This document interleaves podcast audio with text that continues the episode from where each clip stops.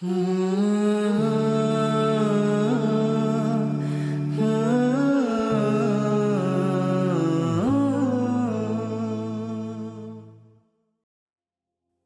er et forbillede? Et meget generelt og til tider måske også forvirrende koncept. Det er svært at leve et helt liv, uden at man på et eller andet tidspunkt har haft brug for nogen eller noget at se op til. Og det kan ske meget bevidst eller helt ubevidst. Oftest er ens identitet og personlighed udgjort af en række af forskellige tanker, følelser, værdier og tilbøjeligheder, som man har tilegnet sig fra forskellige steder igennem hele sit liv. Familie, skole, venner, fritid, sport, underholdningsindustri. Alt sammen noget, som de fleste af os i et eller andet omfang er blevet dannet af og har set op til. Den nemme forklaring for muslimer er jo, at vores personlighed og identitet skal være en afspejling af alle de fantastiske personer, som den islamiske historie rummer. Men det er altid ikke lige tilfældet. Og i den sammenhæng er der nogle spørgsmål, som selvfølgelig melder sig. Hvem eller hvad bør man egentlig se op til i sit liv? Hvem fortjener at blive taget som et såkaldt forbillede? Kan muslimer egentlig tage ikke-muslimer som forbilleder? Og kan man elske og følge noget, man aldrig har set før eller kender noget til? Assalamu alaikum wa rahmatullahi wa barakatuh, og hjertelig velkommen til endnu et afsnit af Islamisk Oplysning. Mit navn det er Liban, og traditionen tro ved min side har jeg min kære bror og medvært Rizvan. Så assalamu alaikum til dig, Rizvan. Wa alaikum salam, Liban. Hvordan har du det, min bror? Alhamdulillah. Tak Allah. Hvad med dig? Og alhamdulillah, jeg takker Allah. Øh, foråret det nærmer sig med hastige skridt, alhamdulillah. Jeg kan ikke... Øh, du alhamdulillah for alt, ikke? men jeg er blevet træt af, jeg er blevet træt Ja. af kulden.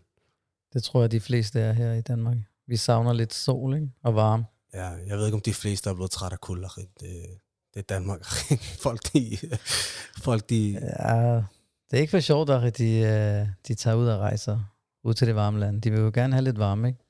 Jo, tager på ferie og sådan noget. Um, men øh, i dag, så øh, har vi et øh, emne, vi skal snakke om. Øh, og det emne øh, kredser sig om forbilleder. Ja. Øhm, og det, at man har nogen eller noget i sit liv, man, øh, man ser op til. Øhm, og bare lige for god ordens skyld, så er der ikke nogen gæst i dag, så vores kære lytter, de får kun fornøjelsen af din smukke stemme, min bror. Øh, og, øh, og, og dig egen. selvfølgelig. Ja, jeg ved ikke, hvor smuk den er. Men, øh, men jo, vi skal snakke om, øh, vi skal snakke om forbilleder. Og øh, jeg tror, at alle mennesker øh, i et eller andet omfang, på et eller andet tidspunkt i deres liv, ja. har haft noget eller nogen, som, øh, Som, som, de ser op til. som de ser op til. Ikke? Så det første spørgsmål, som melder sig, min kære bror. Ja, jeg ved, hvad der vil komme nu. bare, ja. bare kom. Øh, har der været nogen i dit liv, som du ligesom... Og lad være med at give mig ligesom, den, ligesom det, det, det, det, det gratis svar. Jo, profeten sallallahu alaihi wasallam. Jo, selvfølgelig ser vi op til profeten, Muhammad alaihi wasallam, men har der været nogen eller noget i dit liv, som du ligesom har... Ja, du tænker for en anden vinkel af. Ja, yeah, et eller andet. Du Ja. behøver ikke at nævne lige præcis, hvad det er. Jeg har nemlig også noget selv, ikke? Så du behøver ikke at nævne helt præcis, hvad det er. Et eller Ja. andet. Ja, jeg vil sige, at øh, i min generation, ikke, hvis jeg lige går tilbage lidt, så var der jo en øh, musikstjerne, som øh, de, de fleste så op til dengang. Mm. Øh, ham kender du godt, Michael Jackson. ja. Og øh, da jeg var helt ung, øh, jeg vil hellere sige i min barndom, så var det øh, den person, som øh, vi så op til. Mm. Øh, det var sådan, at øh, mig og så en, øh, en ven, jeg havde dengang, der hed Ibrima, øh, kaldte han sig selv, men vi ved det Ibrahim. Mm. Øh, han kom fra Ghana. Øh, nej, ikke, ikke Ghana. Han kom fra Gambia, ja, undskyld. Ja. Øh, vi, øh, vi imi- imiterede, og vi lærte hans sang udenad, og hans dans udenad, og det blev sådan, at vi øh, optrådte øh, på Okay. fritidshjemmet. Okay. Så det var, jeg vil sige, den person, som øh, var mit forbillede dengang. Det var den, jeg så op til. Der kan man bare se... Så det er lidt pinligt, men øh, jeg, nu spurgte du mig, så jeg Nej, bliver nødt til at sige det. Altså, vi, her i øh, podcasten, vi, vi bryster os af at være ærlige øh, og oprigtige, således at vi selv kan få gavn af, af, af det, vi deler med hinanden, men så også vores lyttere kan, kan få gavn af det, og måske også relatere til det. Ja. Så, så nu kommer den tilbage til dig. Hvad, hvad med dig? Du slipper jo ikke, fordi... Nej, nej, jeg skal også nok, øh, jeg skal også nok svare på det. Men inden vi, inden vi når så langt, ikke? Du ser vel ikke stadigvæk op til mig? Ja, nej, nej, nej. Tak. Slet ikke. Jeg skulle lige være sikker, bror. Jeg Ja. skulle lige være sikker. Han er også død nu, så... Ja. Nej, øh, mig selv, øh, jo, det er sjovt, du spørger.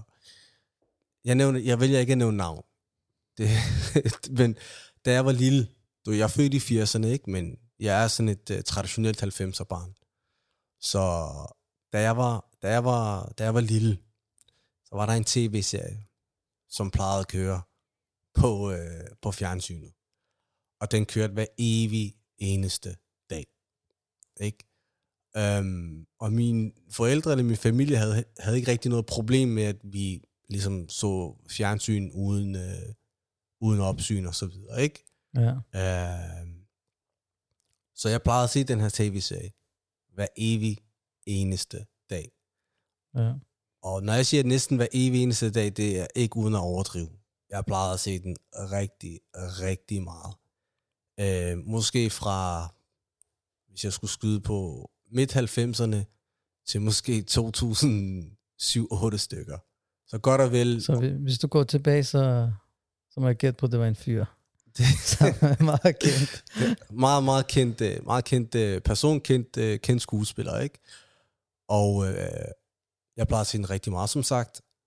Og en ting er ikke, at sådan nogle der ting, at, at det har jo en underholdningsværdi, ikke? Så man ser det, og man ser det for at blive underholdt. Og man er ikke rigtig klar over, hvor meget det egentlig påvirker en.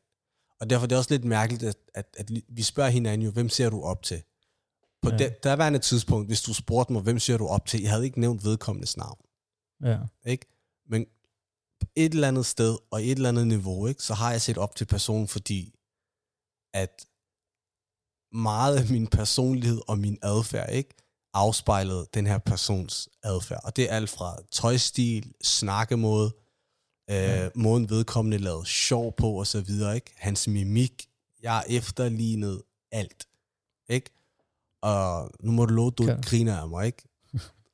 Ja. Jeg ved godt, det er svært at Det love. er svært at love, når Nej. du... Det er fordi, at jeg så den her person så meget, ikke?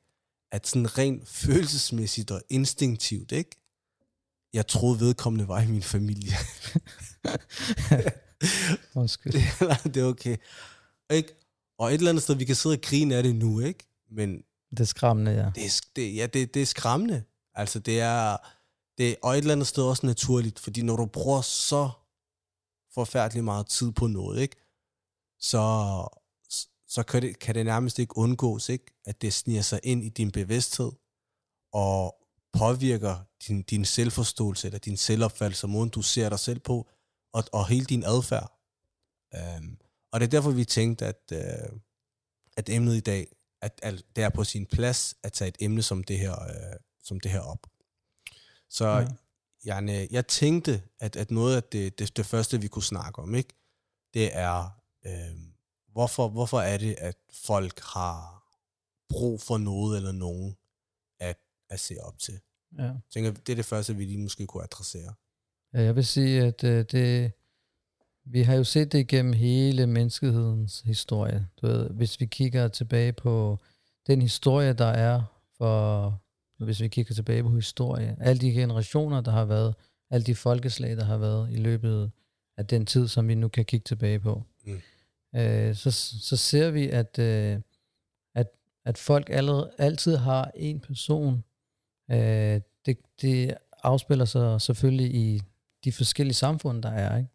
Men man, der er altid en person, som bliver den kendte i det samfund. Mm. Det kan være et stort samfund, det kan være et lille samfund, det kan være en familie, det kan være folk, som øh, er fælles om nogle ting. Øh, men så er der altid en person, som folk ser op til. Og det plejer jo at være den person, som man ser lidt bedre end sig selv. vi kender det jo allerede fra, da vi var små af. Uh, har du, kan du ikke huske, der uh, man, man skændt med, min far er stærkere end din far, ikke? ikke? Den, den traditionelle diskussion, ikke? når man kommer i konflikt. Og det er jo, fordi vi så vores far som, uh, som et forbillede, som en, som kunne beskytte os, og en, som vi kunne se op til. Så, så det har altid ligget i mennesket at, at tage personer, som man så som lidt bedre end sig selv, øh, som, som forbilleder. Nogle gange, så bliver det sådan direkte kopiering. Øh, hvis du eksempelvis er i det samme felt som den her person, nu snakker jeg eksempelvis fodboldstjerner, mm. så bliver det jo direkte kopiering, at du sigter efter at blive som den her person, det vil sige hans spillestil, øh, øh, den form for træning, han udfører. Så, så begynder man at kopiere direkte. Men nogle gange, så som du også nævnte før, så er det jo indirekte. Så er det fordi, du ser op til den her person, så ønsker du at leve som den her person. Mm. Øh, og det har vi jo set tilbage fra, jeg vil sige, ja, hvis så langt som vi kan tænke tilbage. Ikke? Ja, også for, også for at øh, på, måske pådute en islamisk vinkel i det, ikke? Øh, det er også noget, øh, Koran ligesom anerkender hos, øh, hos mennesket også. Det her med, at, at man, man har brug og har et naturligt behov for at se op til andre. Og så det her apropos med, at du nævner, at øh, folk i samme felt, så bare tag profeten, øh, alaihi salam. salam ja. øhm, og jeg tror, det bedste eksempel på det, det er den sura, eller det kapitel, som hedder Yusuf. Øh, sura Yusuf, som kommer af profeten, øh, profeten Yusuf a.s. Øh, historie. Og det er et langt kapitel. Ikke? Og det, det eneste kapitel i Koran, som fra start til slut nærmest omhandler den samme historie. Og profeten, salam, han fik åbenbaret den her historie, da han havde det allerdårligst. Og Yusufs historie, salam, er jo en historie, som er spækket med en hel masse prøvelser. Og på det tidspunkt, profeten han gennemgik nogle af sine allerhårdeste prøvelser. Han havde lige mistet sin kone, som han elskede meget, meget højt. Han ja. havde lige mistet sin onkel, Abu Talib, som han elskede meget, meget højt. Og på det tidspunkt, så havde han brug for noget motivation. Han havde brug for noget drivkraft, som kunne øge hans uh, engagement, som kunne trøste ham. Ja. Og så valgte Allah subhanahu wa ta'ala blandt andet at åbenbare den her sura til ham. Så islam anerkender det også, det her med, at man har brug for at se op til noget, man betragter eller ser som højere end el selv. Øh, så ja. det kan jeg kun give dig. Kun give Eksempelvis, dig. som du nævner, ikke, at, at Allah han tilskynder, at vi ser op til øh, profeten sallam, ikke? Mm. som uh, Allah nævner i Koran, hvor han siger, لَقَدْ كَانَ لَكُمْ فِي رَسُولِ اللَّهِ, رسول الله أُسْوَةٌ حَسَنَةٌ. Mm. Ikke? At I har sandelig i, i sendebud det bedste eksempel. Ikke? Så allerede her, så sætter Allah subhanahu wa profeten sallam som et eksempel for os. Ikke? Og udover det, så, så nævner profeten sallam også i en hadith, at han, han, han siger, at I skal, fakt, I skal følge min sahaba, og så dem, der kommer efter dem, og så dem, der kommer efter dem. Så, så vi ser også her, at islams øh, vinkel til det her er, at vi faktisk tager personer som, øh, som forbilleder. Ja. Øh, men, men det, der er sådan interessant, det er, hvis vi ser det som øh, ud fra et samfundsperspektiv, øh, ikke? så blev der, der er jo studeret i det her. Der er forsket i det. Hvorfor er det, at, ligesom, hvad er det, der gør, at folk tager folk som forbilleder, ikke? Og så jeg var lige inde og tjekke omkring øh, en teori, øh, som faktisk fra 77, en, en kendt øh, sociolog, som hedder Albert Bandura. Jeg kan nævne, at, at den måde, som folk øh, tager forbilleder, øh, rollemodeller til, det er, at det gør det igennem, at de observerer og imiterer folk. Ikke? Mm. Og det, det kommer vi så ind på også senere, hvor, hvor stor betydning det samfund og de sociale medier, som, hvor, som øh, muslimer og ikke-muslimer hver dag øh, bliver bombarderet med. Ikke? Jeg giver dig ret i det, du siger, ikke? Men problemet er bare, eller jeg ved ikke, om det er et problem, men... Realiteten, ja.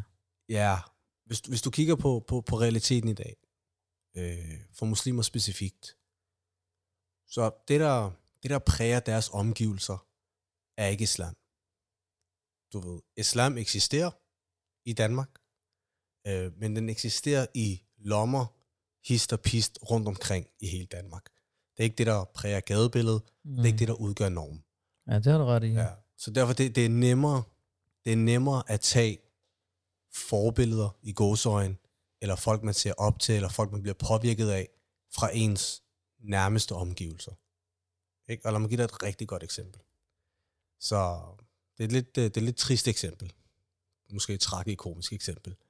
Så jeg sidder øh, tilbage i 2005, må det være. Der sidder jeg i et klasselokale på gymnasiet.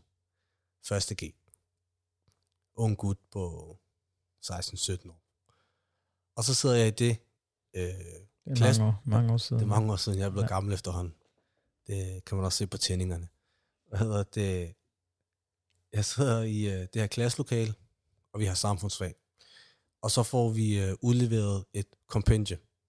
Øh, hver elev får udleveret et kompendie. Og du skal tænke på, 2005, det er øh, fire år efter 11. september. Så hvad er det politiske klima i, øh, i Danmark? Ja, det er, der er meget fokus ja, på, ma- på meget, det emne. Ja. Meget anti-islamisk klima. Ikke? Så det kompagnie, det handlede om radikalisering, fundamentalisme og ekstremisme blandt muslimer og islam. Jeg kan ikke huske specifikt alle sider i det kompendie, men der var noget særligt, der stak ud. Den nævner noget om profeten, sallallahu alaihi wasallam, og så har den en passage om Abu Bakr. Jeg kan ikke huske, hvorfor den nævnte ham, eller hvad sammenhængen var. Og noget negativt. Den kastede et negativt lys på profeten og sahaba.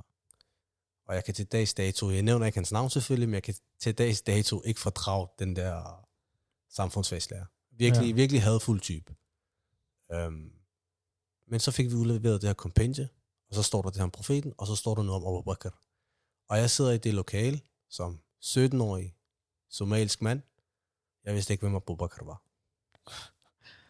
Og ja. hvis du tager i, i en islamisk kontekst, ja, hvem, er den, hvem bliver sådan universelt betragtet som den største sahaba? Den bedste sahaba af alle sahaba. Ja, Abu Bakr. Abu Bakr ja. Hvad er det hadithen siger? Hadithen siger, at hvis du har en vægtskål med hele verdens iman, så hvis du tager hele verdens iman på den ene side af vægtskålen, og Abu Bakr på den anden, så udligner de hinanden. Ja. Så Abu Bakr udgør nærmest livsnerven i islams historie, blandt andet. Og så sidder jeg der som 17-årig. Du ved ikke, hvem han er? Nej, du bliver talt dårligt om ham i det kompendie, vel at mærke. Og jeg vidste ikke, hvem han var. Ja, men det, jeg tror også, at det... Så, jeg tror så er det lidt svært, undskyld, at afbryde dig, bror, ikke? Ja. Lidt svært at tage... Altså, hvis du ikke har indsigt og kendskab, hvordan i alverden skal du så tage sådan nogle mennesker som Abu Bakr som forbilleder? Det er umuligt. Og et eller andet sted også meget pinligt, at jeg ikke kendte, hvem han var, ikke? Men jo. Ja, det er det. Men det, det de personer, som folk tager som forbilleder nu, det er jo heller ikke uh, Abu Bakr, eller Omar, eller Ali, eller du ved, kvindelige forbilleder, det er ikke Aisha eller Khadija, mm. må der være tilfreds med alle sammen. Det er jo øh, forbilleder, som, øh, eller det, folk ser op til personer, som slet ikke er i den kaliber, ikke? Mm. Øh, Eksempelvis, hvis du bare ser på de unge nu om dagen, hvem er det, de ser op til? Det er musikstjerner, er rapstjerner, det er folk fra det hårde miljø, ikke? Øh, og blandt øh, piger, så er det, du ved, piger, som danser eller piger, som ser godt ud, mm. kvinder, som ser godt ud, som, øh, øh, hvor udseendet er, er det, som er i centrum. Mm. Eller så er det folk, som øh, har mange penge, hvor vi, vi ser tit øh, folk snakke om, at åh, hvis, øh, hvis jeg bare havde gjort som Steve Jobs, eller mm. eksempelvis, eller, eller prøv at se, hvor mange milliarder, eller jeg vil hellere sige billioner, den her person har. Ikke? Mm. Øh, så er det sådan nogle her folk, som, øh, som, som folk ser som forbilleder nu om dagen. Og det, som jeg kunne spørge dig om, ikke, det er, hvis du går til en person, som går virkelig meget op i sit udseende, eller en person, som går virkelig meget op i at tjene penge, eller ser ud på en bestemt måde, eller og du siger til ham, ja, dit forbillede, det er den her person. Så ved, hvad, hvad, vil, hvad vil personen så sige ja, til dig? Er du dum i hovedet? Slet ikke. Det passer ikke. Snakker du om? Slet ja. ikke overhovedet ikke. Vedkommende vil afvise det. I hvert fald afvise det meget kraftigt også, tror jeg. Ja, hvad, hvad, er det så, hvad er det så, der gør, at du vil sige, at den her person faktisk har taget den her person som forbillede? Ligesom du nævnte med dig selv. Ja. den her hemmelige person, som du så op til dengang. Ja, som mange måske har regnet ud, hvem er. Ja. ja. Hvad, hvad var det, der gjorde, at faktisk du, du så op til den her person, men uh, uden at... Hvad, uden jeg var klar over det. Uden du var klar over det. Jeg tror, at udover at jeg så rigtig meget til den her person, ikke? Hver evig eneste dag. Øhm, jeg, jeg, jeg opdagede, da jeg var noget, måske de der 17-18 år, ikke? Hvor meget den her person, jeg ved godt, det lyder rigtig dumt, ikke? Men hvor meget den her person egentlig betød for mig. Ikke? Jeg, jeg du siger, det er som du græd med ham, når Nej, han græd. Det ved jeg ikke, om jeg gjorde. det ved jeg ikke, om jeg gjorde. Men, men altså, som jeg nævnte før, hans mimik, hans måde at gå på, hans måde at tale på, øhm, nogle af, du ved, jeg havde en eller anden urealistisk ambition om at gøre det, han gjorde. Du ved, han var skuespiller. Mm. Så jeg havde altså nogle små fantasier om at blive skuespiller på et eller andet tidspunkt. Øhm, men det, der virkelig slog mig, og det kan være, at det lyder sjovt, ikke? Det var, jeg, jeg, havde, jeg havde en sådan følelsesmæssig tilknytning ja. til den her person. Og han vidste ikke, hvem du var her i lille Danmark. Han sad et eller andet sted langt væk. Ja, ja. Så han, øh, inshallah, jeg ved ikke, hvad han, ja. hvad han lavede. Men, men jeg, så, jeg, jeg havde sådan en følelsesmæssig tilknytning til, til den her person. Og det gik først op for mig, da Allah subhanahu wa ta'ala, han åbnede mit hjerte for islam. Alhamdulillah. Og jeg var blevet totalt ligeglad med underholdning og musikindustri og filmindustri og alt det, man bliver eksponeret for og udsat for øh, i, i, i den her verden i dag, og i særdeleshed i de samfund, øh, vi bor i. Det er først der, det gik op for mig, ikke? hvor jeg begyndte at få kendskab til netop profeten, alaihi salam, Abu Bakr, Sahaba, og læse nogle af deres historier, ikke? at det gik op for mig, hvor tåbeligt det egentlig var. At et, at jeg tilbragte så meget tid, jeg har spildt det meste af, i går så min ungdom, ja. på, på den her person. Ikke? Og den her persons øh, ligesom identitet var blevet min identitet. Bare en ringere version og udgave, en kopivare jo.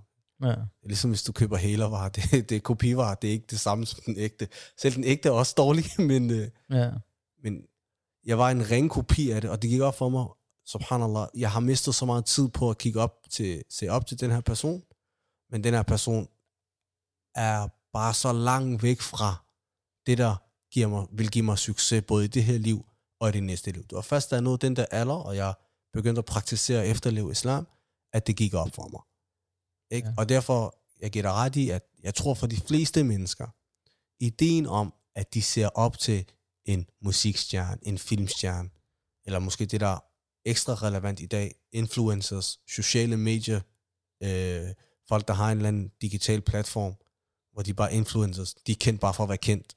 Det er det, man ser op til nu, nu om dagen. Folk, der flasher en hel masse ting på sociale medier, om det er Snapchat, Instagram, eller hvad det er. Ja. Og det gælder nærmest alle aldersgrupper. Det, det troede jeg ikke. Det er noget, jeg fik øh, bekræftet for ikke så lang tid siden. Det spænder sig over flere aldersgrupper, det her. Alt fra dem, der er 12 år, til dem, der er 40 år gamle. Ja, øhm. og jeg, og jeg tænker, at dem, som godt ved, at, at influencers faktisk påvirker indirekte, det er jo dem, som øh, skal tjene penge på det.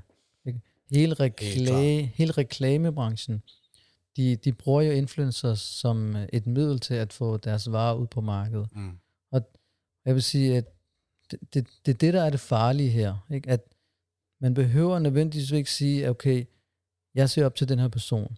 Selvom du har nogle personer, eksempelvis i USA, ved du godt, der er et, der er noget, der hedder CWS, Celebrity Worship Syndrom, Mm-hmm. Ikke? hvor folk faktisk nærmest for, øh, forguder de her personer. Ikke? Vi kan komme helt derud i den, men, men det er ikke det, som vi ser. I hvert fald ikke, i, hvert fald ikke i min omgangskreds. Jeg ser ikke nogen, som forguder de her. Jeg tror heller ikke, at det er generelt blandt det muslimske fællesskab. Præcis, det generelt. Øh, det var så mere dengang vi var unge, hvor der var et bestemt boyband, som mm. øh, du ved, nærmest fik folk til at begå selvmord, Ja, ja, ja. Øh, hvis der skete et eller andet. Ikke? Øh, men det farlige er, at det ikke nødvendigvis direkte, at folk siger, jeg ser op til den her person. Men jeg vil hellere sige, at den her livsstil, som de her personer, de lever, det er det, som er farligt. Fordi det kan godt være, at du ikke, ser, du ikke siger, eller siger, den her person, og han er, Mm. han er mit forbillede. Ja, har billeder hængende på Ja, væggen. har billeder af ham, og faktisk når jeg bliver stor, så vil jeg gerne være ligesom den her person. godt. Total kliché, ja, ja. Ja, ikke? Det, det er ikke det, folk siger. Men hvis du kigger på folks liv, så ser du faktisk, at de lever det samme liv som de her personer. De vil gerne have det samme tøj. De vil gerne have de, de samme materielle ting, som de har. De vil gerne se ud som de her personer. Så det kan godt være, at de siger, at de ikke gør det, men i virkeligheden så gør de. Mm. Og, og, og jeg vil sige, det er faktisk det, som vi skal være opmærksomme på. Hvis, øh, nu er det så ikke, nu er det ikke en podcast om børneopdragelse, Mm. men eksempelvis børn. Det er der, man skal være opmærksom på, hvad er det, dine børn de lytter til? Hvad er det, dine børn øh, ser i tv? Hvad ser de på de sociale medier? Og, som vi også har nævnt før, den farlige platform TikTok. Ikke? Mm. Hvad er det, som de her de unge, de bruger hele dag, deres dag på? Fordi det, som de bruger deres tid på, det er det, som de øh, begynder at efterleve. Efter, ja, e-. Som du efterligner. nævnte, du begyndte at imitere hans bevægelser. Men de unge piger, når de begynder at se de her influencers, så begynder vi 100 procent. at, at bevæge os i en helt anden retning. Ikke? Der er også, øh, der, der, der er ligesom, bare for at understrege det yderligere, ikke? Der, der er blevet skabt en skik i dagens verden i dag. I forhold til det her med influencers blandt andet, ikke? I forhold til, øh, hvad, og det har selvfølgelig også været et problem i måske i to årtier, tre årtier, i særdeleshed i Vesten, det her med skønidealer. Hvad er det korrekte skønideal? Ikke?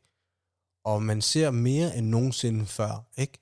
at sådan noget som plastikkirurgi ja. og øh, så, sådan nogle typer af ting, ikke? Botox. Botox, man kan, man, man kan Ja. nævne en hel masse ting, ikke? At det er gået hen og blevet mainstream nu. Og at du jeg snakker med nogle kvindelige familiemedlemmer, ikke, som fortalte mig, at piger helt ned til 16-15 års alderen, ikke, begynder at snakke om, at de gerne vil have lavet indgreb for at matche et bestemt skønhedsideal, som Ja. sociale medier har lagt. Og nu skal vi selvfølgelig ikke gå ind på, hvad lige præcis det er, men, men jeg tror også, du selv har bemærket det. Man kan, ikke, man kan nærmest, nu Mm. arbejder du også selv på en skole, ikke? Man kan ikke undgå at, at, at bemærke, at det, det er blevet en trend, ikke? Og det viser os jo netop, at, at folk ser op til, blandt andet, folk som har, lever i den her reality show, halløjsa verden, øh, og, og derudover også. Men der, der er også et andet spørgsmål, jeg så godt kunne tænke mig at stille dig i den sammenhæng, og det er, inden vi bevæger os ind på det her med at have korrekte forbilleder, ja. er det, er det, er det forkert at have forbilleder, folk man ser op til, folk man imiterer, som ikke er muslimer? Er det, er det, er det okay? Jeg ved godt, det er lidt generelt og abstrakt spørgsmål, men er det Ja. okay? Jamen det, det er så, fordi i, i sig selv, som I nævnte, nævnte før, det at have et forbillede, eller følge forbilleder, det er ikke det, som er problemet. Men problemet er, at de personer, som du følger, hvad er indholdet af de her personer? Ikke? Øh, eksempelvis, som du nævnte, hvis man begynder at se op til personer, hvis hele livsformål er at se godt ud, tjene så mange penge som muligt, faktisk at tage den her dunia og leve den her dunia i 150 procents øh, udnyttelse, så går det jo hen og tager fokus for det, som virkeligheden er vigtigt. Mm. Ikke? Hvad er det, som Allah ta'ala siger, at han har skabt mennesket af djinn udelukkende for, at vi skal tilbede ham. Men hvis du begynder at, ikke tilbede, men hvis du begynder at bruge din tid på de ting, som går væk fra hans tilbedelse, så bevæger vi os lige pludselig ind i et farligt minefelt. Mm. Ikke? Fordi eksempelvis folk, nu siger vi bare, de folk, der ser op til de hårde typer, ikke? Øh, det vil sige den der rap-verden, den der gangster-verden, der begynder unge drenge jo at være ligesom de her personer. Det kan være, at de begynder at gå i en bestemt tøjstil. Det kan være, det kan være at de begynder at være i, øh, begynder at snuse til bandemiljøet. Ikke? Fordi det er der, man ser, at de hårdeste personer er de folk, som går rundt med pistoler. De folk, som har mange penge, flasher dem. Narkosal. De Narkosal. Og, og de bliver jo ikke skjult. Ikke? Det, det er det, der er så sørgeligt. Det bliver ikke skjult, at, at det er sejt at have så mange penge. Det, det er sejt at flashe sine penge og, og flashe sine pistoler. Det ser vi jo rap-videoerne. De rap-videoer, som, som de unge ser dagligt. Ja. Ikke? Og de, de, de lytter til de her sange, og de memorerer de her sange. Og noget af det indhold, som ligger i de her sange, hvis du analyserer det, som vi også gjorde i en tidligere podcast, ikke? så handler det jo om at tjene penge på den forkerte måde. Så den her unge dreng, han vokser op og begynder at tjene penge på den forkerte måde. Øh, og det her, det spreder sig. Øh, og det er det, jeg, jeg vil sige, det er det, der er farligt, er, at uden at lægge mærke til det, så begynder tingene at sprede sig som en, øh, hvad kalder man det, som en strøm. Mm. Øh, nu, har, nu, har, nu arbejder jeg med børn selv, og du har også været på en skole. Har du lagt mærke til, når noget bliver mode, så er det alt, der gør alle det. gør det, ja, ja. Nogle har filersko. Den, alle har filersko. ugen efter, så alle har filersko. Hvis, hvis du spørger den her, den her lille pige, øh, hvorfor har du filersko? Hun ved det ikke. Hun ved det ikke. Hun, ja, men hun har også filersko, ikke? Ja. Eller øh, når de børn bliver lidt større, så vil det også opdage, at, at de vil have nogle ting, men de ved ikke, hvorfor de vil have dem. Okay, jeg vil gerne have den her, jeg ved ikke, hvad den hedder, den der jakke, men uh, rock and blue jakke eller et eller andet. Allahu jeg har glemt det i hvert fald. Allahu alam. Men det er i hvert fald en jakke, og, du, ja. du, og så spørger du, hvorfor vil du have den? Jamen, den er pæn. En måned efter, hvad sker der så? Så siger, så siger din pige, jamen, jeg vil ikke have den der jakke. Hvorfor? Jamen, det er fordi, de, de piger, der går rundt med de der jakker, dem kalder man noget bestemt. Mm så vil det ikke have den jakke. Så trenden ændrer sig, ja. Så ændrer trenden sig. Øh, og jeg vil, sige, jeg vil sige, det er det, der er det farlige, at hvis folk begynder at se op til personer, som får dig væk fra islam, mm. så, siger man, så bliver man nødt til at sige stop. Men hvis de her personer kan gavne dig, eksempelvis, øh, der er jo nogle personer, som virkelig er seriøse inden for deres branche. Som ikke er muslimer. Som ikke er muslimer. Fodboldstjerner eksempelvis. Atletikstjerner eksempelvis. De har jo nogle kvaliteter, som du nogle gange misunder i forhold til seriøsitet. Og disciplin. Og disciplin, ikke?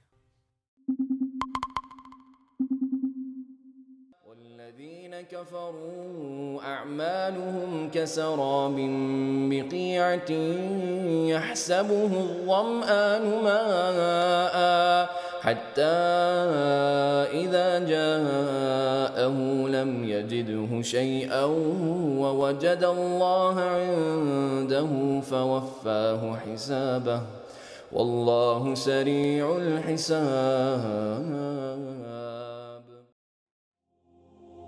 De, der fornægter troen, deres gerning er som et fatamorgana i en ørken. Den tørstige formoder, der er vand, men når han kommer dertil, finder han, der ingenting er. Men han finder Allah der, som vil gøre regnskab op med ham. Allah er hurtig til at afregne. Men lige en helt anden ting. Jeg har et spørgsmål til dig. Ja. Hvorfor er der så mange, som tager ikke-muslimer som forbilleder? Ja, okay, nu har jeg ikke uh, statistik over, hvor mange muslimer, skråstreg unge muslimer, der ser op til ikke-muslimske øh, forbilleder. Men jeg har et personligt indtryk, og jeg har en idé om, hvorfor det er.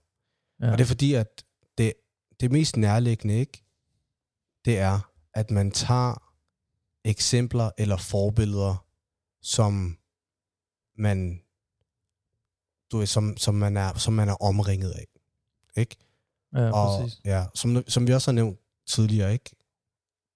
Du ved, vi bor ikke i et islamisk samfund. Du er tværtimod. Vi bor i et samfund, som på alle parametre er uislamisk. På alle aspekter er uislamisk. Og udover det, så lever vi også i et samfund, hvor man aktivt forsøger at ligesom kriminalisere islam, miskreditere islam, Ja. øh, skabe et billede og en opfattelse af islam, som er virkelig, virkelig, virkelig dårligt. Og det gør så også, at, at folk i højere og højere grad tager, tager afstand fra det. Enten bevidst eller ubevidst. Men, men jeg har en personlig historie, ikke? Jeg har mange personlige historier, som du ved. Ja. Jeg har en personlig historie, som ligesom illustrerer, hvorfor, hvorfor det er. Så jeg har et øh, familiemedlem. Ikke? Og øh, det her familiemedlem, som de fleste somalier, øh, min far han er en undtagelse, min far han kom i 1980. Jeg tror, han var en af de to første somalier i hele Danmark, hvis jeg skal være ærlig. Øh, men størstedelen af min familie, de kom i løbet af 90'erne, som en øh, konsekvens af den krig, der var i øh, Somalia. Så jeg har det her familiemedlem, en onkel. Han kommer hertil, han kommer fra Somalia, Ja. du ved. Og som så mange andre somalier på det tidspunkt, mange andre flygtninge, hans kendskab til, du ved, vestlig kultur og vestlig underholdningsindustri var meget begrænset. Altså ikke eksisterende nærmest. Men han kommer hertil, og du ved, han kommer til en helt ny verden jo. Så de første indtryk, han får af Vesten, ikke? det er igennem, du ved, den der hip-hop scene, den der basket scene og så videre. Og det, det påvirker ham virkelig, det her familiemedlem. Jeg kan huske, han var en fantastisk person. Men han så virkelig op til det her. Så han begyndte at gå i det tøj, som ligesom kendetegnede Det hele den, efter han kommer... efter han kommer til. Ja. Han kommer til med traditionelle somaliske klæder. Det hedder marus på somalisk. Det, det er sådan en, øh, sådan en kjole Ja, det, ikke? Han kommer til den der marus der. det er den, også pænt nok. Ja. Ja, ja, det er det. Jeg ved ikke, hvor meget det passer ind i det danske gadebillede, men han kom Ja. ja. hertil nærmest i den, og den blev hurtigt udskiftet med posede bukser, baskettrøjer, omvendt kasket og det hele. Jeg kunne huske, han købte videokassettebånd af Michael Jordan. Du ved, Ja. ikke? Han gjorde en hel masse ting. Så han, blev, han kom hertil, og naturligt nok, apropos dit spørgsmål, hvorfor er det, folk tager ikke-muslimer som forbilleder? Meget naturligt, så så han op til det, som han blev eksponeret for hver evig eneste dag. Ja. Okay. Så hvad beslutter han sig for? Jeg håber ikke, den bliver alt for lang historien. Men hvad beslutter han sig for? Han beslutter sig for, at han gerne vil til USA. Fordi han vil gerne realisere drømmen. Mm. Og den drøm er at blive lidt ligesom nogle af de hiphopper eller de basketballstjerner, han har fuldt og set de sidste 7, 8, 9 år. Okay? Så flytter han til USA. Han vidste ikke, hvad han kom til. Ja. En ting er, at han ikke, han ikke vidste, hvad han kom til, men prøv at Allah subhanahu wa ta'alas uh, retledning. Allahs huda. Prøv at se her. Han tager over, bor hos en anden onkel, jeg har, nede i USA, og så subhanallah, så får han og knytter et forhold til den lokale moské, der hvor min, Subhanallah. hvor min onkel han bor. Og han får et virkelig stærkt forhold til det. Og det ender så med, at han bliver en del af den der moské. Ligesom Allah Mm. åbnede hans hjerte op for islam. Og hvad, hvad sker der så? Så, ret, du ved, så begyndte han at praktisere islam, sådan meget seriøst. Han blev en forkynder af islam, det vil sige, at han gik rigtig meget op i at give dager til lokalsamfundet. Han er lige kommet, okay? Men han Ja. ligesom var aktiv på den der dagerscene i det samfund. Okay? Og han blev, øh, du han blev øh, hafid al-Quran, han prøvede at blive hafid al-Quran. Studerede ja. islam exceptionelt meget. Og så startede han på, ligesom, hans mission for livet, det var bare at give dager.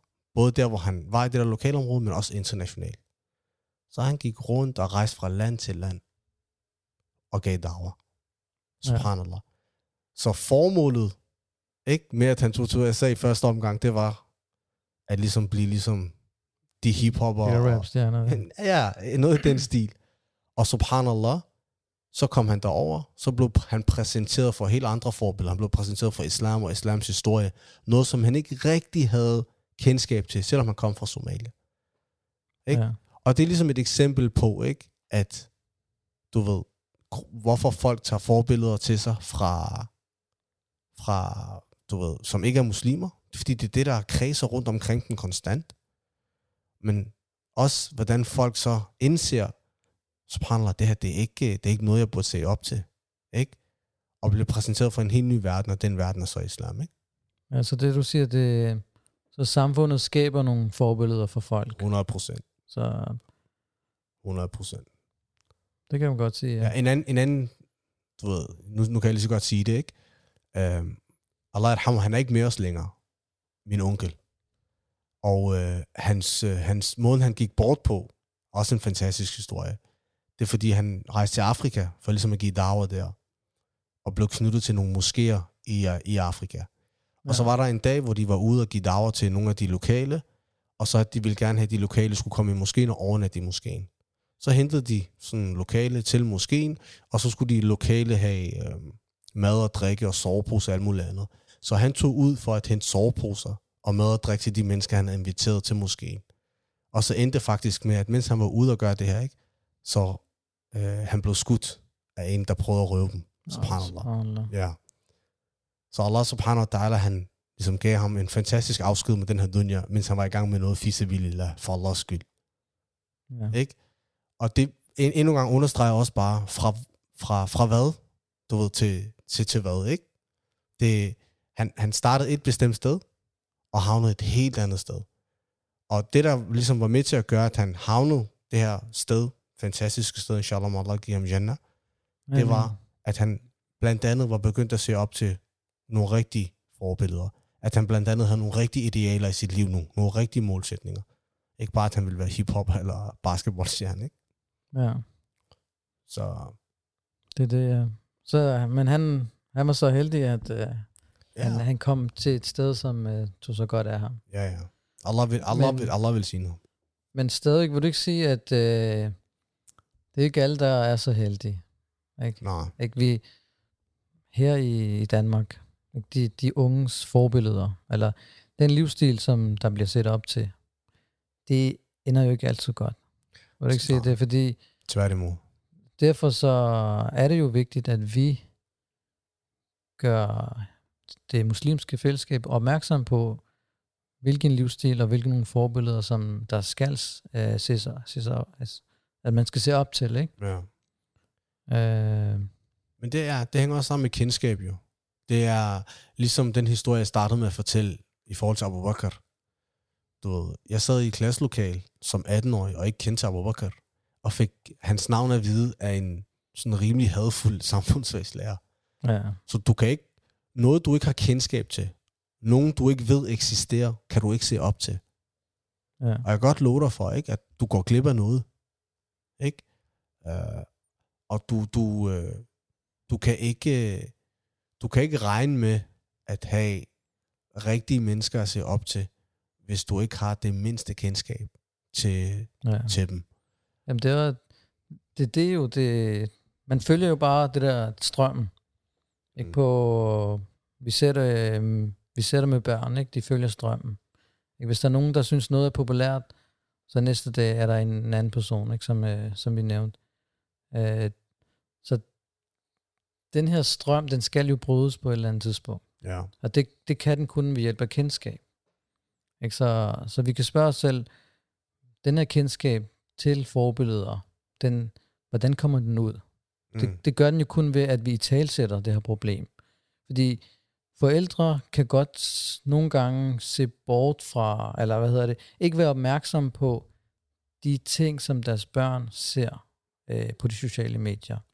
Ja. Øh, fordi det er, jo, det er jo meget nemt, det ved vi også begge to, det er meget nemt at give sit barn en, en Den der- iPad. Den der tablet Ja, der, den, har, tabletten- den har reddet mig mange gange Ja. det er jo meget nemt at bare Ja, give ja. dem en tablet, værsgo, øh, jeg skal lige overlave mad, ikke? eller vent, jeg skal lige have lavet det her arbejde færdigt. ja, ja. Og nogle gange er man ikke, er man ikke opmærksom på, hvad er det egentlig, de ser, hvad er det, de lytter til. Øh, og forældre er jo heller ikke på skolen. Ikke? Mm. Du skal tænke på, øh, børn og unge, de, deres hverdag, den største, t- det, hvad kan man sige, den største del af dagen foregår jo udenfor. Det vil sige på skolen eller på uddannelsesinstitutioner. Det vil sige, at børn og unge går ude blandt andre personer det meste tid af deres, øh, af deres dag. Mm. Og der bliver talt om nogle ting, øh, som ikke er islamiske. Der bliver set nogle ting, som ikke er islamiske. Øh, og øh, det, man har forsket i, øh, som vi nævnte tidligere, Mm. det er, at mennesker, de imiterer jo. Øh, mennesker, de, de, de ser på andre personer, og så vil de gerne være ligesom dem. Øh, og hvordan bryder vi den her, Liban? Det er det helt store spørgsmål. Ja.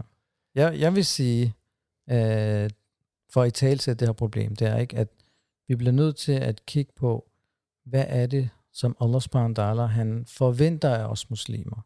Mm. Hvad har Allah lært os i Quran, igennem profeten sallam? Hvad er, det, hvad er det, hvilket mål er det, vi skal have? Hvilke nogle Mm. forbilleder er det, vi skal tage? Øh, og der nævner Allah subhanahu wa ta'ala i, i Quran, ikke? Han siger, som jeg nævnte før, لَقَدْ كَانَ لَكُمْ فِي رَسُولِ اللَّهِ أُسْوَةٌ حَسَنَةٌ ikke? Det er, at, vi, at i profeten sallam er der sandelig det bedste forbillede. Så det er der, vi skal hen. Mm. Og så, profeten sallam, Så, så. han har vist os igennem det liv, som han har levet, hvordan vi som muslimer skal leve. Mm. Ikke? Hvad er det, der skal være prioriteringerne i vores liv? Og en af de ting, blandt andet, ikke, det er, at vi skal besætte et bestemt mål for vores liv. Ikke? Hvorfor har Allah subhanahu skabt os? For at vi skal tilbede ham. Mm. Øh, så lad os kigge på de her forbilleder, som de unge ser op til. Er det nogen, som bruger deres liv på at tilbede Allah subhanahu? Og nu tænker jeg selvfølgelig ikke, at vi går ind i deres privatliv og ser, hvad de laver. Fordi der er jo også øh, fodboldspillere, som er muslimer. Der er... Mm.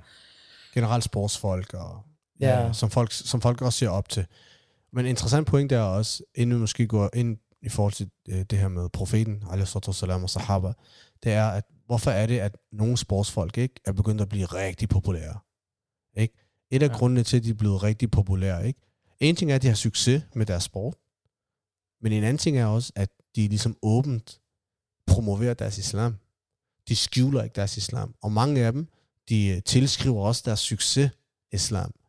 Og Ja. den her måde ikke at frygte noget som helst på, ikke? det appellerer hos folk. Ikke? Det, det, det viser også, at der er et behov for islamiske personligheder at se op til. Jeg kunne nævne øh, ham UFC-kæmperen, Khabib, som Ja. godt nok er ubesejret, og et af de bedste UFC-kæmper nogensinde, men hans ja. popularitet skyldes ikke alene det. Hans popularitet skyldes, at han i høj grad bliver betragtet som en praktiserende muslim. Mm. Og kunne du huske hans kamp med Conor McGregor? Ja, ja. Ikke, der, der var det så mange øh, begyndte at sige, at det her er en kamp mellem muslimerne og ikke muslimerne. Sandheden og falskheden. Ja, ikke? Ikke? Det var, Prøv at se, hvor, hvor folk tog det hen, Janne. Øh, ikke? Og, og han stod på en scene, hvis jeg ikke husker forkert, i forbindelse med lige præcis den kamp, ikke? Hvor han ligesom, hvor han blev buet og så videre, ikke? Og han så kigger ud mod publikum, og så siger han, Alhamdulillah, Alhamdulillah. Jeg ved ja. Ikke, hvor mange gange den video, millioner af gange den video er blevet delt og set på de sociale medier. Og hvorfor det? Er det fordi, åh, han er en fantastisk kæmper? Nej, jeg har familiemedlemmer, som ikke ved noget som helst om UFC ja. eller kampsport eller noget som helst andet, men de var ligesom imponeret og tænkte, subhanallah, ja. prøv at se et standpunkt, han tager. de kunne heller ikke sige hans efternavn. Akhi, Det kan jeg, heller- det kan jeg, det kan jeg heller ikke. Det kan dog nok sige hans fornavn, ja. Men, men alligevel ikke, de så op til det. Alligevel, de så op til det. Og det viser det her behov for islamiske forbilleder. Og så er spørgsmålet, som du måske også kredsede lidt om før, ikke? Ikke at jeg siger, at der er noget galt i at se op til sportsfolk og herunder Khabib, i forhold til det her aspekt med at være standhaftig med sin islam og bare sige tingene lige ud, ikke, når det er. Men din, din primære kilde for forbilleder, der hvor du først søger hen for forbilleder, og folk, du skal afspejle din egen personlighed i. Der vil jeg måske ikke gå så langt at sige, at det skal være, altså det er sportsfolk. Og, nej, vi har nogle andre mennesker, ikke? Ja. Det er ligesom det, vi måske kan stille og roligt komme ind på nu. Så lad, Ja. mig, lad mig stille dig det her spørgsmål. Da du startede som en ung, frisk, pakistansk talende bror i Vestegnen, og du begyndte at forholde og praktisere islam, Ja, nu siger du startede som en ung en, så nu får du mig til at lyde helt gammel.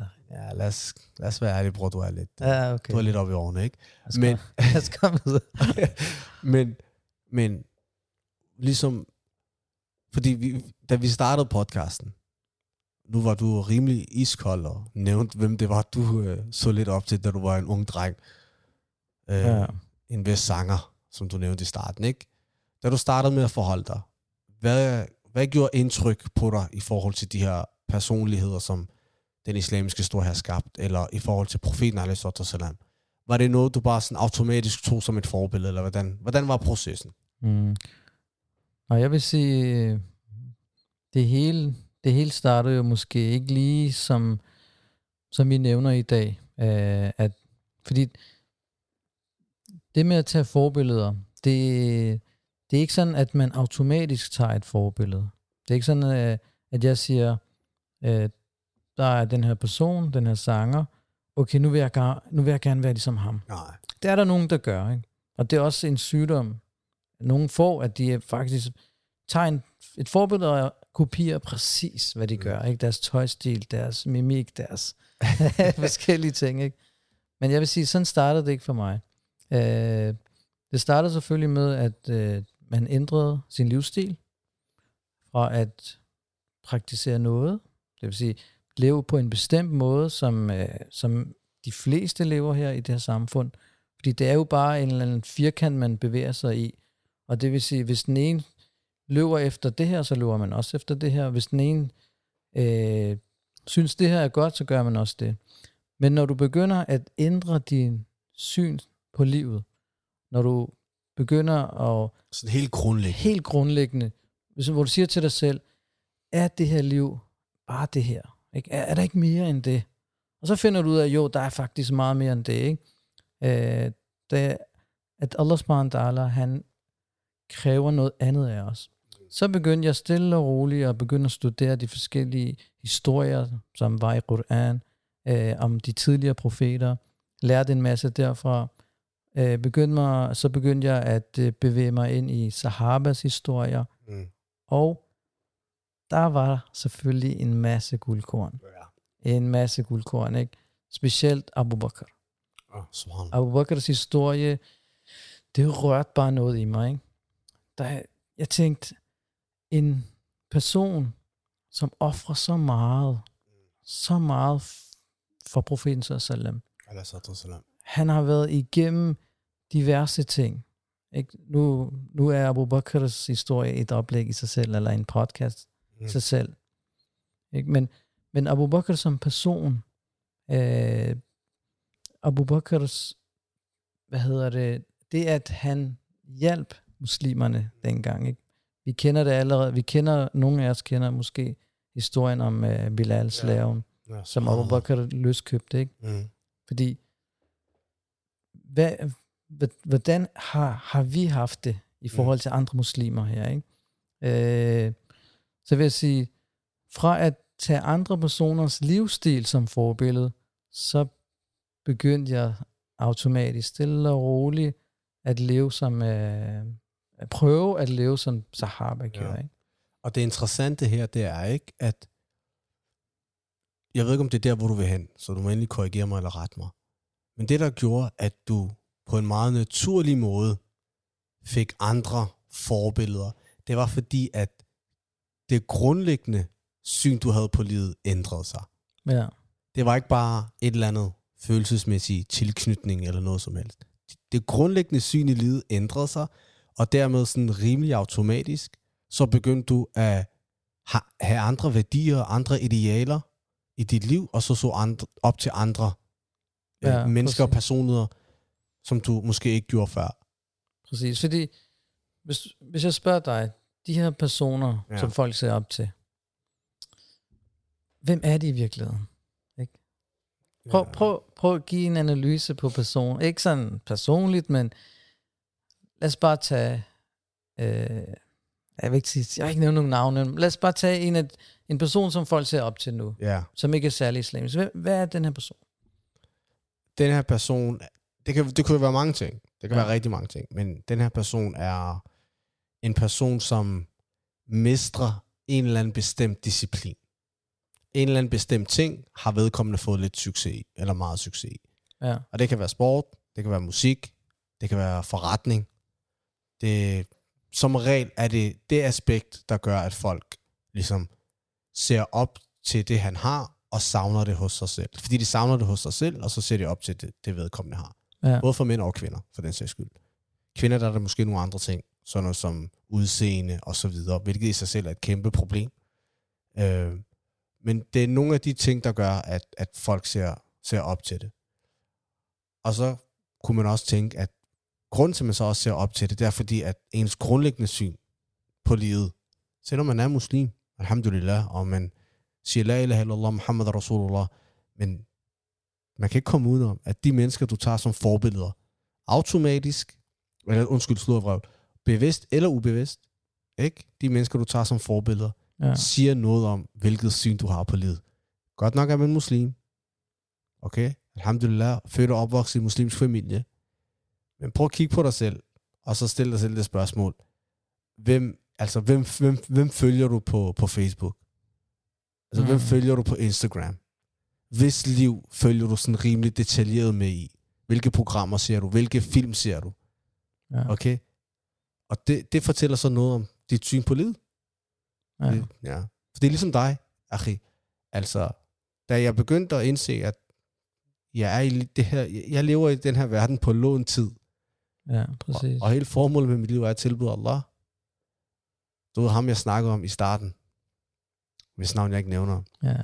Det er stadigvæk hemmeligt. Det er hemmeligt, og jeg afslører det ikke, og du skal heller ikke afsløre det, for jeg kan mærke på at du har regnet det ud. Nej, nej, jeg skal nok. Jeg men, siger ikke men noget. jeg siger til dig nu, ikke? Når jeg... De ting, jeg så op til dengang, ikke? Jeg... Jeg vemmes nærmest ved det også. Altså, det, det, det stimulerer absolut ingenting i mig. Ja. Ingenting. Og jeg er, og inshallah, der er khair i det selvfølgelig. Den proces, man har i forhold til Allahs retledning, er nu den proces, man har. Uh, man skal gribe den, inden det er for sent selvfølgelig. Ja. Men jeg tænker over og æret over, ikke? Hvor meget tid jeg har spildt på at se og lytte til den her person. Hvis man, Ja. hvis man opgjorde det i dag, jeg ikke? Det er flere Ja. måneder. Jeg ved, skamfuldt at sige, måske år, yani. Subhanallah. Men altså forstå, det, man tænker ikke rigtig over det. Ja, det er det. Og, så, og det, derfor så skal man øh, også sådan, som man siger, have begge ben på jorden, ikke? Fordi Ja. det har jo noget at gøre med livsstil. Øh, det kan godt være, at man selv har ændret sig, men, men personer, som ser op til forkerte personer, det er fordi, de netop ikke ved, øh, det ikke har den viden omkring de her personer, hvad er det, hvad, hvordan er de her personer? Øh, fordi de fleste personer, hvis jeg spørger dig, hvad er opskriften for det her samfund, for at blive lykkelig? Det har vi jo kommet ind på i en anden podcast, ikke? Penge, penge og et eller sjov. Men Ja, ja. noget af den stil. Penge og det. ejendom. Penge, ejendom, skønhed. Øhm, vi kan heller ikke komme ud om, selvfølgelig, nogen vil også betragte familieliv som en succes, men det kredser Ja. ja. sig rigtig meget om. Ja, præcis. Men, men penge, Ja, penge og skønhed, ja, ikke? og karriere. præcis. De her tre ting, det er det, som de fleste folk gerne vil have. Folk ja. Vil gerne være skønne, derfor ser vi botoxbehandlinger og så videre. Ja, Lange baner desværre. ja. Øh, folk vil gerne have karriere, derfor så dedikerer de hele deres tid på øh, skole og uddannelse. På bekostning af alt andet. Ja. Folk vil gerne have penge, derfor arbejder de. Mm. Men den her opskrift, hvem har givet den her opskrift? Er det wa ta'ala? Nej, Nå. det er det ikke. Fordi, måske, eller du ved sikkert godt, at der er 10 personer, som er blevet lovet det, som vi alle sammen i sidste ende gerne vil have. Mm. Der er lovet Jannah. Er det ikke rigtigt? Jo. Der er 10 personer. Der er en hadith, der nævner de 10 personer. Ja. Ære ved navn. Ja. Okay, hvad kan vi så bruge det her til? Det er, at hvis Allah subhanahu wa ta'ala og profeten, sallallahu alaihi wasallam, hvis de har fortalt os, at de her personer, 10 personer, de er lovet paradis. Mens de levede. Mens de levede, ja. Hvad skal vi så gøre? Ja. Er det ikke en opskrift for os? Kan, er det ikke, kan vi ikke så sige, de her 10 personer, de er blevet lovet Jannah. Vi skal bare gøre ligesom dem. Selvom det lyder selvfølgelig det lyder meget øh, nemt Ja, at lad, os, sige. lad os afslutte podcasten her. Det er nemt, Janne. Lad os. Ja, det er ikke slet ikke nemt, øh, men Hvorfor gør vi ikke som de personer? Ja. Allah har fortalt, uh, profeten selvom har lært os, Allah har fortalt os, at de her, det, det, det der er opskriften på at komme mm. i Jannah. Uh, så det er dem, der skal være vores forbilleder. Ja. Blandt andet, ikke?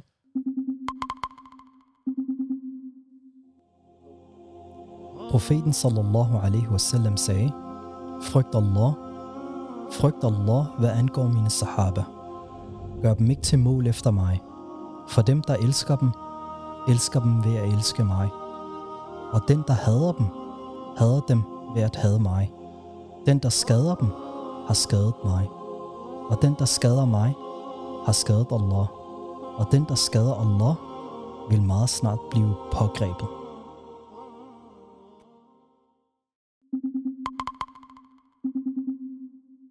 Nu stiller jeg dig selv spørgsmål i forhold til, hvor din proces startede, ikke?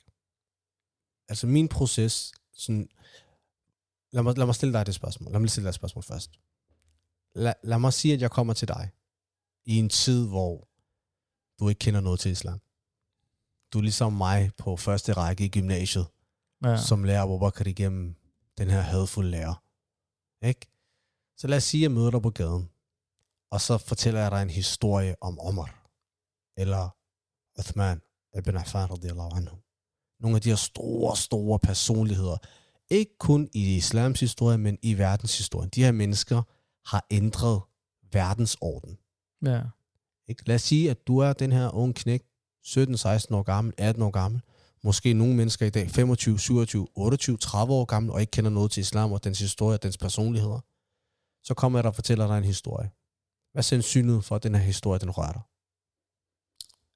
Ikke så meget. Ikke så meget, nej. Nej, fordi Fordi hvad er dit syn på livet? Hvad, hvad er dine prioriteringer i livet? det er det. Jeg, vil, jeg tænker, hvem kan give mig en god karriere? Bang. Hvem kan give mig skønhed? Mm. Ikke? Altså, det er de ting, dine prioriteringer i livet. Øh, ja. Så, så hvad er forudsætningen for, at du oprigtigt med hele dit hjerte, sådan naturligt automatisk ser op til de her fantastiske personligheder? Det er, at du har en afklaring og en erkendelse af, subhanallah, jeg er blevet skabt for at tilbede Allah subhanahu wa ta'ala, og leve mit liv i henhold til hans love og regler Præcis, ja.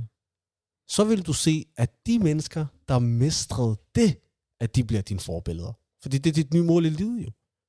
Dit mål er ikke nødvendigvis penge, karriere, kvinder, status, øh, anerkendelse. Nej, helt andre, helt andre målsætninger i livet. Ja, Liban, det er, det er lidt svært nogle gange at tage Sahabas historier og så applicere dem over ens eget liv nu om dagen. Fordi de har levet så for så mange år siden. Ikke? Øh, og derfor, som du nævnte, så er det meget mere nærliggende at, at bruge folk, som lever nu, og kigge på deres livsstil, og så nogle gange øh, Og så sådan naturligt imitere det. imitere det. Ikke? Ja. Øh, men øh, jeg vil gerne komme med et eksempel, og det er myntet på vores søstre. Okay. Ikke fordi det, som nogle gange er svært, det er, at man læser en masse sahabas historier, og alt sammen er jo mænd. Så søsterne skal jo også have forbilleder. Ja. Ikke? Og der har vi nogle kvinder fra den tid, som virkelig har udrettet exceptionelle ting. ja. Ikke? Og en af de kvinder, hvis det ikke var for det, som hun udførte i den historie, som jeg vil komme med, Mm. så kunne vi måske ikke engang sidde her og kalde os muslimer. Mm. Ikke? Og øh, den, den, øh, den kvinde fra den tidspunkt, som jeg vil nævne, det er en, der hedder Safia bin Abdul Muttalib. Øh, du kender Hamza, Ja. ikke? profetens onkel. Ja, så, så, ja. Ikke? De fleste muslimer kender historien, fordi den er så speciel. Ikke? Mm. Øh, og det, der skete, det var, at på et tidspunkt, så var der en krig, som der hed Khandak. Og det er en krig, hvor muslimerne blev nødt til at grave en skyttegrav for at beskytte, for at beskytte byen Medina. Fordi at øh, ikke-muslimerne havde samlet en kæmpe hær ikke, på cirka 10.000 og havde belejret Medina. Så muslimerne havde lavet en skyttegrav for at holde dem, øh, det vil sige væk fra byen af. Øh, og provinsen selvom han havde så beordret alle kvinderne til at øh, blive i en bygning, øh, som øh, man kaldte Fari dengang. Og så var der en person, en sahaba, som hed Hassan ibn Thabit. Han fik så den opgave at beskytte øh, søsterne. Mm. Men det, der skete så, det var, at mens de var i det der tårn der, så kom der en jøde. Fordi der var stadig nogle jøder inde i Medina, Mm. som først havde sagt, at vi gør ikke noget, vi holder os neutrale. De har lavet en alliance med, eller ikke en alliance, men de lavet en pagt med profeten, var det En det? par, ja, præcis, ikke? Men så vendte de så på en tallerken. Da de så så, at, at øh, ikke-muslimerne var kommet til Medina, så vendte de på en tallerken og besluttede sig for, okay, nu bekæmper vi indenfra. Og så var der en jøde, som øh, en mand, som var taget over til det der tårn, og var på vej op for at dræbe øh, kvinderne. Så blev øh, så sagde de så til Hassan ibn Thabit, at han skulle gå over og bekæmpe øh, den her mand. Men det lå ikke i hans natur. Han var ikke, hvad hedder det, han var ikke kampklar, hvis man kan Mm. kalde det det, ikke? Han var ikke UFC-kæmper. Ja, præcis. Så, så hvis den her jøde havde kommet op og, og dræbt alle de her kvinder, som senere hen skulle føde den næste generation øh, Mm. af muslimer, så kunne vi måske ikke engang sidde her og kalde os muslimer. Mm. Men det, som Safia bin Abdul Muttalib, hun gjorde, det var, at hun valgte at bekæmpe den her jøde. Så det, hun gjorde, det var, at hun skar hans hoved af, og så havde hun det hoved. Så sagde hun så til Hassan Thabit, at han skal så tage det hoved og smide det ned til de andre, der, der stod på bunden af tårnet. Men det kunne han heller ikke. Så hun tog selv hovedet, og så smed hun det ned. Subhanallah. Ikke? Da, så da de så det her, så flygtede de. Fordi de tænkte, at der er Der sikkert må nogle, være mænd i det tårn. ja, der må være mænd, som, som beskytter de her kvinder. Øh, så min, min, min pointe med den her historie, det er, ikke, at Safia bin Abdul Talib, den modighed, modighed, hun havde, det vil sige, det var kritisk i lige det der øjeblik. Ikke? Så hun, havde, hun tog et valg, at enten så bliver vi overrumplet, eller også så kæmper vi og beskytter kvinderne. På samme måde, så kan man sige, selvom at det er selvfølgelig svært for os to her at sidde hvordan, og sige, hvordan søsterne skal gøre osv., fordi Mm. mm. de, de møder jo en masse hårdheder Ja, her i, sam, i samfundet. Øh, men det man kan sige, det er, at de, de bliver nødt til at tage sådan nogle her personer som forbilleder. Fordi det er personer, som kæmpede for islam. Det er personer, som videde deres liv for islam. Øh, og, og er meget i modsætning til de kvinder, som der bliver taget som forbilleder. Ja. Ikke? Og det er jo et problem. Ikke? Kæmpe, kæmpe problem. Ikke? De, vi har søstre, som øh, følger med bestemte personer på Instagram, på TikTok, som lever en fuldstændig uislamsk livsstil. Og det er ikke den vej, man skal bevæge sig hen. Nå. Og jeg vil, jeg vil måske våge at påstå, ikke? Øhm, hvis ikke mere, så i lige så høj grad, som det er for, for brødre, ikke? så bliver søstrene virkelig påvirket ikke? af hele den der social mediescene. Og Ja. særligt, når det... Vi har, vi har også berørt det før lidt tidligere, ikke? men øh, skønhedsidealerne er blevet fuldstændig forskroet. Og søstre i dag, i altså det er skræmmende, hvor, hvor lav alderen kan være, ikke? føler sig nærmest tvunget til at se ud på en bestemt måde. Således at de, de nogle gange rejser til andre lande og får lavet ting ved, ved deres udseende. Um, og jeg skal ikke sidde her ikke og sige, at det ikke er svært at være muslimsk praktiserende søster i et samfund som i dag. Jeg vil måske gå så langt, ikke? de er mere udsat, end vi er udsat. De kan sidde og kigge på mig, ikke? Altså, de ved ikke, hvad jeg er jo. Ikke godt nok, måske jeg har lidt skæg og så videre, ikke? men i deres øjne, jeg kunne være en eller anden, et eller andet mørkt barn, der blev adopteret fra en dansk familie, forstå mig ret. Men en søster, du kan alt, hvis hun iklæder sig den islamiske klædedragt, du kan altid se på hende, at hun er praktiserende for håndene. Så jeg, jeg vil aldrig våge at påstå, at det er nemt. Nej, Men, tværtimod. Ja. Nej, tværtimod ja. Men jeg kan se en, en udvikling, som jeg tror, de fleste af os kan se. Selv de søstre, som ja, er, øh, hvis ikke i det, så i periferien af det, rundt om det, kan se, at der er en skræmmende udvikling i gang. Og de tager, apropos det, vi snakker om helt i starten af det her med, at man, man siger jo ikke sådan helt officielt, laver en statusopdatering på sin Facebook. Mit forbillede er den og den person. Nej, Ja, altså, du, det er ubevidst. Ja. det er ubevidst jo. Fordi den her person, den her influencer på Instagram, Facebook eller hvad det er, den her person har lagt et skønhedsideal. Og du følger det skønhedsideal. Du følger det. Den her person har øh, nogle bestemte normer, skikke, øh, ting, som de prioriterer højt, og du prioriterer præcis de samme ting. Det kan godt være, at du går rundt og tror, at ah, det, det er da ikke mit forbillede. Men ja, Janne, du, du efterligner alt, hvad den her person gør. Så et eller andet sted er det dit Ja. forbillede. Og det skal lige siges, ikke, at mashallah, fantastisk historie om Safia, radiallahu anha, men der er også rigtig, rigtig mange andre historier. Nogle gange bliver man overrasket, overvældet over, hvor mange fantastiske historier der er, ikke? Om kvindelige sahabiyat. Ja. Det er helt utroligt. Bare også, også i Koran. Øh, bare for at nævne det ganske kort. Nu nævner jeg ikke selve historien, men historien om øh, Maryam, øh, øh, Isa, øh, alaihissalams øh, mor, hun har fået afsat et helt kapitel for hende. Og, og yani, Musa alaihissalams historie, Musa, du ved, der var en alim, han sagde engang, ikke? Hvis man ikke vidste bedre, ikke, så skulle man tro, at Koran var en bog om Musa. Så meget bliver han nævnt ja. centralt i Musa al-Islams historie, ikke? det er kvinder. Okay? Præcis, det er ja. kvinder.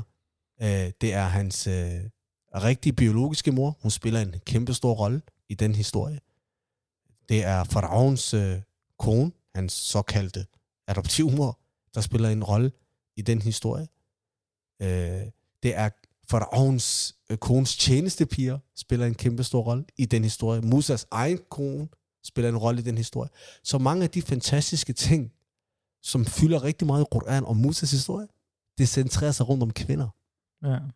Det er fantastisk. Så der er rigtig mange, øh, der er rigtig mange hvad hedder det nu, historier og forbilleder, man virkelig kan tage, kan tage til sig fra islam og de islamiske tekster. Men en, en ting er også ikke, at prøv at se, nu, nu har vi snakket rigtig meget om sahaba og sahabiyat. Øh, de mennesker, der var omkring profeten. Salam. Men vi har, ikke, ja, vi har ikke rigtig nævnt selve profeten. Salam. Du kom lidt ind på det, selvfølgelig. Men profeten er jo det ypperste, er det ypperste forbillede, man kan tage. Og nogle gange, så kan der være en tendens, og det skal selvfølgelig lige understreges, at det er en meget farlig tendens og tanke at have, at efterligning af profetens eksempel og karakter kan være fjern eller urealistisk. Og det er rigtigt. Prøv at se. Profeten, alaihissalam, i kraft af hans profetskab, ikke Han var, han var perfekt. Som profet, alaihissalam, altså han var perfekt. Og Allah forpligter os at efterfølge profeten, sallallahu alaihi wasallam. Velvidende om, at vi som mennesker aldrig kan være perfekte. Umuligt jo. Vi er fejlbarlige væsener. Vi er Adams børn, som hadithen siger, vi laver fejl. Men prøv at se, subhanallah, ikke? Hvilken, hvilken tanke og drivkraft det sætter i dig, ikke? At Allah forpligter dig, ikke? At efterligne øh, det perfekte menneske, velviden om, at du ikke kan blive perfekt. Det vil sige, det skaber en tendens i dig, hvor du hele tiden stræber. Hele tiden stræber. Du, du bliver hele tiden ved. Du prøver hele tiden at realisere det. Du kan Ja. aldrig nå profetens status og niveau. Men Du Allah, sub- bedre, ja. Ja, men Allah subhanahu wa ta'ala, han vil have dig til at gøre det. Og vi har ikke rigtig snakket om det.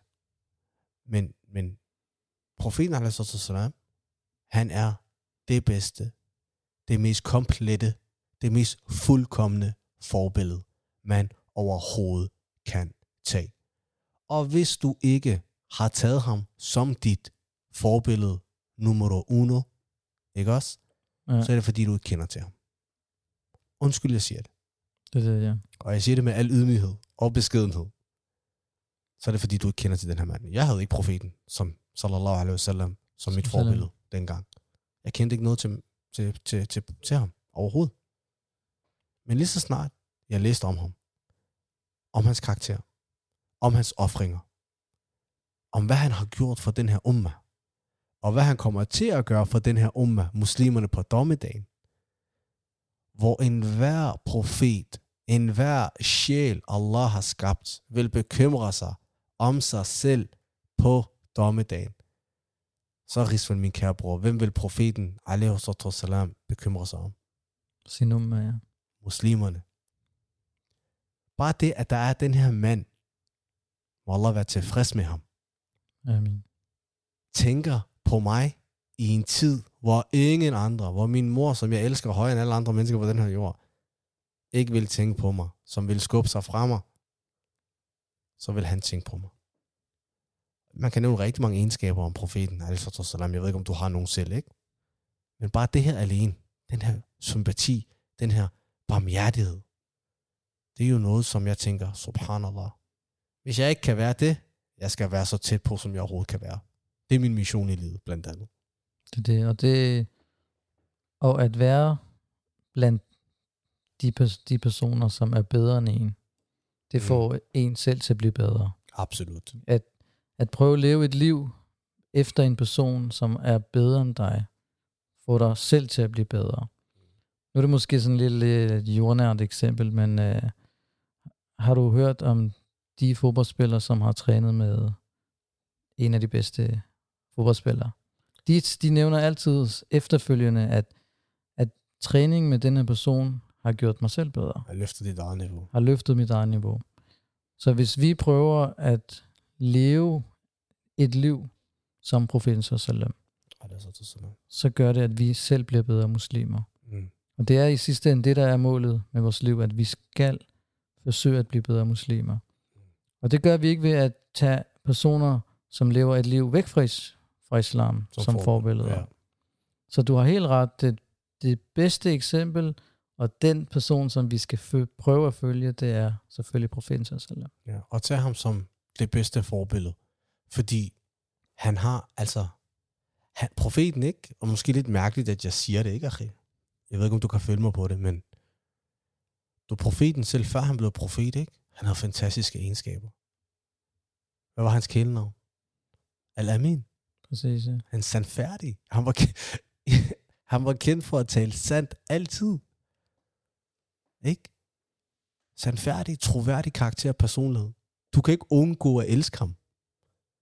Det er ikke uden grund, at Allah subhanahu wa ta'ala udvalgte ham jo, som den, det, det menneske, der skal forsejle og lukke profetskabet ind til dommedag. Der kommer ikke være profeter efter ham.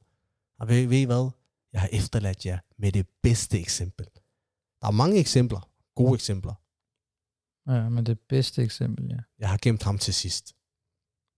Så her på falderæbet, Achi, her til sidst, ikke? så gør vi jo en kunst af her i islamisk oplysning, at vi ikke efterlader vores lyttere bare med det, vi har snakket om. Vi prøver at efterlade dem med nogle konkrete råd, de kan implementere i deres liv. Yes. Så jeg håber ikke, at jeg putter dig on the spot, som man siger på Nej, engelsk. det, Men- jeg vil sige det, som vi har, som vi også har nævnt løbende. Jeg vil sige, hvis man kan kode det ned til nogle punkter. Ja. Så nummer et, det er at lær, ikke? Lær, Mm. lær om de historier, som du selv kan bruge i dit liv. Og et, det er selvfølgelig fra profeten sallam, men også fra sahaba og sahabiyat. Ikke? Fordi de har en masse vidunderlige guldkorn, som du kan applicere over dit liv. Men inden det, så gør op med dig selv. Hvilket liv er det, du gerne vil leve? Er det et liv ud fra vestlige principper, hvor du får penge, du får skønhed, du får det hele, men det er ikke sikkert, at du får Jannah. Mm. Ikke? Medmindre du ændrer dig selvfølgelig. Eller vil du leve et liv, hvor du lever efter de bedste personer, som har gået på den her jord, og nogle af dem er sikret Jannah. Så du skal gøre op med dig selv først. Hvilket liv vil du leve? Nummer et, det vil sige, dette liv, det vestlige liv, eller vil du leve et islamisk liv? Når du har gjort op med dig selv, og du er kommet frem til, at jeg gerne, selvfølgelig, det vil enhver muslim, jeg vil gerne have Jannah. Jeg vil ikke jeg vil ikke havne i Jahannam. Jeg vil gerne have Jannah. Jeg vil gerne møde min profet. Jeg vil gerne møde Allah subhanahu wa ta'ala. Så lær af de bedste. Ikke? Og hvordan lærer man? Det er at studere. Ikke? Der er, og det gode er nu, at der er masser af ting på nettet, som man kan finde. Præcis. Jeg skulle lige til at sige det. der er dansk, der er engelsk, der er arabisk, hvis man kan arabisk, der er urdu, hvis man kan urdu. Tusindvis af videoer overalt. tusindvis. Og så langsomt, så tager man jo bare det, som man kan bruge i sit eget liv. Ja, det kræver noget beslutsomhed. Ja. Mit sidste råd, ikke, inden jeg kommer ind på en sådan afsluttende beretning, som rimelig godt opsummerer det vi, meget af det, vi har snakket om. Mit sidste råd, det er ikke, at prøv at se, det er de, det, det er de færreste, det er de fleste mennesker, undskyld, ikke? Der har på et eller andet tidspunkt i deres liv en ambition om at være en god muslim. Hvor meget den tanke og den følelse så fylder, det varierer fra person til person og sted til sted. Men de fleste personer har en ambition om det. Det, der så sker med den her ambition og den her følelse om at være god, det, der sker med den, det er, at den drukner. Den, den forsvinder langsomt og gradvist. Nogle gange forsvinder den hurtigt. Og grund til, at det gør det, det kan være forskellige ting. Et af de ting, der gør, at den drukner og forsvinder, ikke? det er, at du er optaget med ting, du ikke skal være optaget med 24-7. Og jeg snakker ikke om arbejde og familie og uddannelse. Alle de ting er gode ting, det bør, det bør man gøre. ja. Det, den drukner i, ikke? Det er netop de ting, vi har snakket om. Alle de her distraheringer, ikke? Jeg har nævnt det før, ikke? Prøv at tage på en perron en eller anden vilkårlig dag, ikke? Eller i tog. Nu kører du på arbejde, men du har sikkert, det er sikkert et stykke tid siden, du har kørt med tog, men prøv, Ja. prøv at tage et tog en dag, ikke? Alle mennesker ikke, er begravet den der telefon. Det er deres liv. Ikke? Og de ser på alle mulige forskellige ting. Alle mulige forskellige ting. Mm. Og de fleste ser det samme. Ja, præcis. Det er et af de ting, der gør, at den der tanke og ambition om, at du gerne vil være god, ikke? at den forsvinder. Du er optaget med alle mulige ting. Du er ikke, der er noget, der hedder, der er noget, der hedder at binge-watche serier. Ved du, hvad det betyder? Det betyder, at hvis der er en eller anden serie på en eller anden platform, ikke? lad os sige, øh, der er 100 afsnit af den her serie, så ser du alle de her 100 afsnit på to uger. Det kalder man at binge-watch.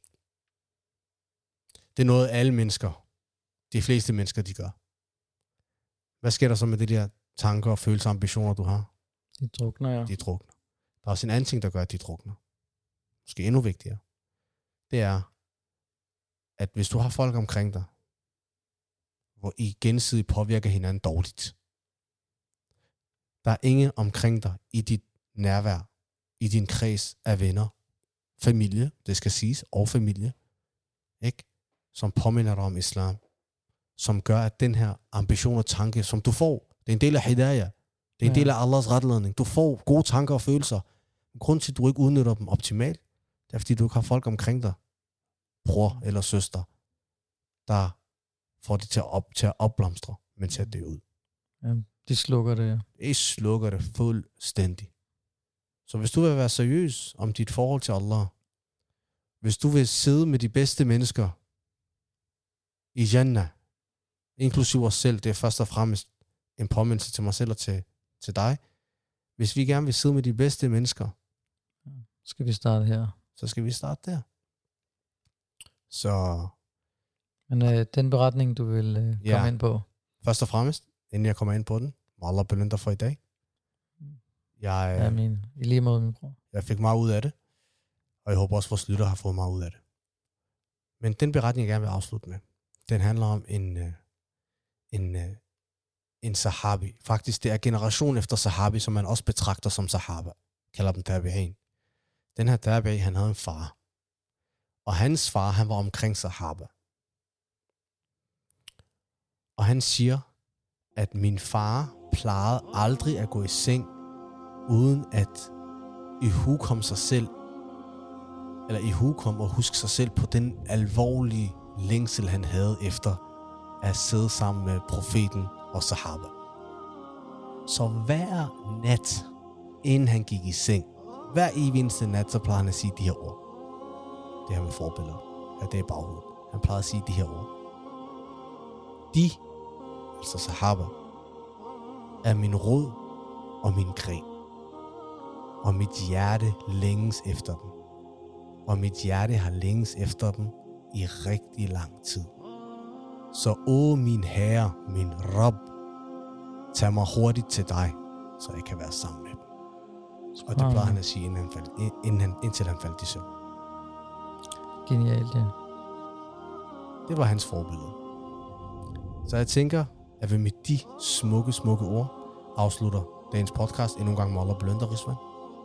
Øh, og til vores lytter, kære lytter, hvis I har forslag til, hvad end vi kan tage op som emner, eller ting, I selv mener, der er relevante, så endelig tøv ikke med at skrive ind til Islamisk Oplysning på vores øh, Facebook-side. Og ellers del, like øh, vores øh, materiale og podcast øh, på diverse sociale medier. Og med de sidste ord, så siger jeg, Assalamu alaikum wa rahmatullah.